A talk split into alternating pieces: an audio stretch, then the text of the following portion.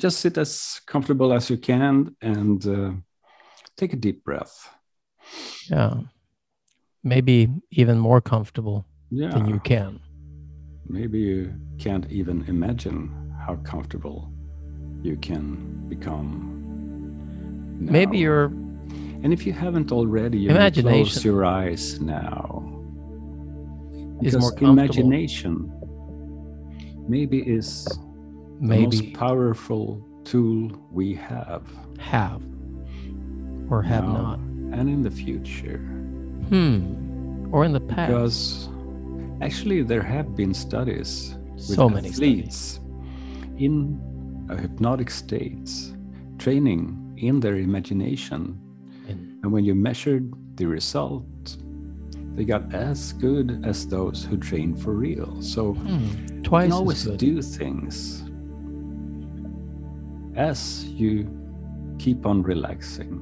Hmm. That's And when you notice the part of you that Yeah. started relaxing immediately when it heard Frederick tell you that it was may okay for you to go, Our deeper. voices you can you yawn. may imagine being at a, a special place where you can feel calm, relaxed, at ease. joyful, easefully joyful, joyful, Yeah. easeful. Being there now in your imagination. And as you do, as we all do, don't we? Keep on relaxing even deeper. Keep on keeping on. Keep on hanging on, keeping on Hmm. relaxing now. And imagine in front of you the version of yourself that you may want to use in the future in specific situations. So, be it for leadership or anything else. Parenting, romance, Yeah. learning. So just pick one of those and give this version of yourself, your avatar, all the skills, all the states of mind, all the tools. And you may pick from persons you know, you may pick from yourself, of course. You can be uh, picking from people that you actually don't like the person, but you like you one of their abilities, their energy, their smile. So you don't So you see, have to do the whole person, just pick whatever you want. yeah, nobody will ever know who you picked. And you're not picking on them, you're picking from them, you're laughing with them. You're joyfully embracing backwards engineering. And when you do this, you might want to think, you know, when you look at one of those people that, for example, a leader you'd like to have some bits of, and maybe you're not sure what bits yet. You know, you'd like to have the the Gandhi nonviolence, but maybe not the hairdo. So, you know, you're thinking, what what is their breathing? What is their energy? What is their tension? What what are they feeling? What what what is the what is the sound of their voice? Are they smiling with their eyes or with their shoulders?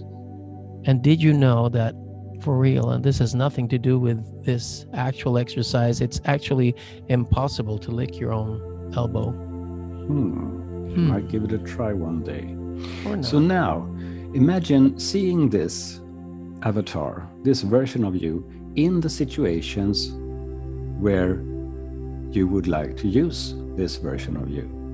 And seeing it from the outside. So you see the avatar doing whatever you want it to do. So it could be a situation that you've been in once and you'd like to have handled differently. And all of a sudden, you, there are no limitations to your mind and fantasy. You could bring in your dolphin qualities, you know, with fins and all. You can bring in yours, your your shamanic squirrel qualities, you know, that of of actually knowing exactly where to how to hold an acorn in a in a very polite way. And now, when you're happy with your avatar in these situations, Hmm. Imagine being able to stepping into that version of you, seeing through these eyes. For some people, it's easier to imagine stepping into. For some people, it's easier to imagine that, that the avatar quickly comes towards you and you become one with it. For some people, it's easier to just imagine that you get all these skills, traits, states Once upon a time, there was even a person who imagined seeing their avatar in a mirror. And as the avatar moved, they started moving. As you know, gradually they moved over and changed places with the avatar, starting to move and feel and breathe and see and smile exactly in that same way that the avatar seemed to have been doing. Now, test your avatar, being inside your avatar, being one with the avatar. You can wear it like a you suit. like to do it. Yeah. Yeah.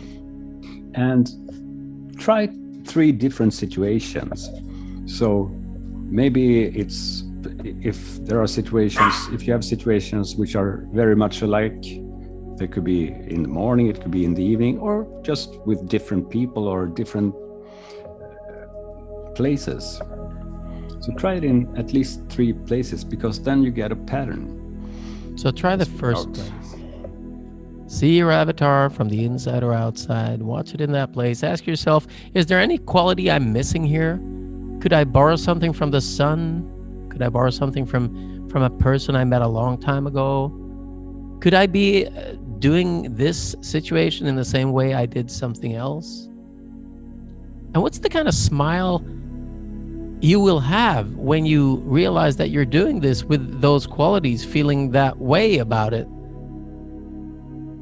Imagine that smile wagging you as a dog. And doing this now, be as specific as you can. And use your imagination and just embrace, you know, the fantasy of the fantasy.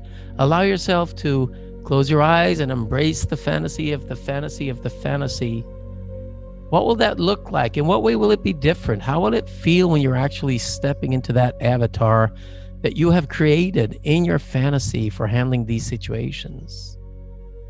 Some bring in the qualities of a fantasy figure, of a hero, of a long dead relative, of a um, magical creature. Maybe you are the unicorn. How does that feel? Now, as you do. That's right. That's right.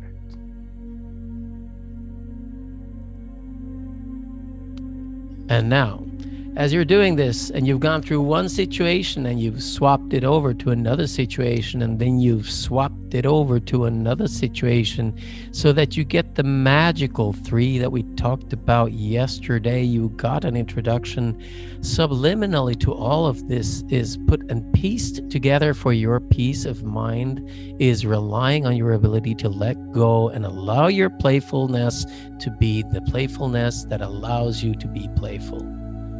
And as you're doing this and noticing the playfulness, where does it come from? Is it under your arm? Is it in your heart? Is it hiding behind your liver? We don't know because we cannot see them in a microscope because they're too big and the microscopes are too small. So allow that avatar now to become so much more, so much more, so much more of you. Allow it to enhance itself organically, find new qualities. Does it need a tentacle? Does it need a, a coloring brush? Does it need what we in Sweden call a kanelbulle, which is kind of a bun but with cinnamon? Cin- cinnamon bun, yeah. Yeah, or cinnamon roll even. I mean, that could be a superpower in some situations, you know? So try on now your super avatar smile. And this is very special because you need to ask your body what kind of a smile it will allow you to have when you're wearing this avatar. And you bring it on from ear to ear, you know, just as much as you can or will or won't. And don't be That's cheap on right. yourself now. This is you and your smile, and nobody can take it away from you. Yeah.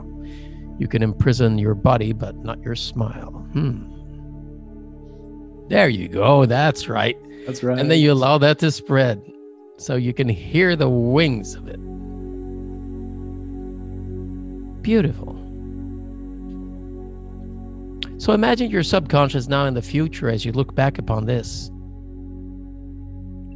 Starting to put pieces together as you meet and think of any person in the world.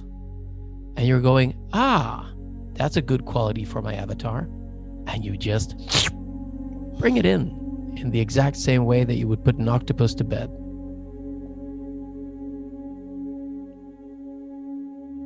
There you go. Right. So we're going to have you come out on the other side of this experience mm. joyfully. Take a deep breath now. Mm. Notice what happens. And stretch yourself as if you're waking up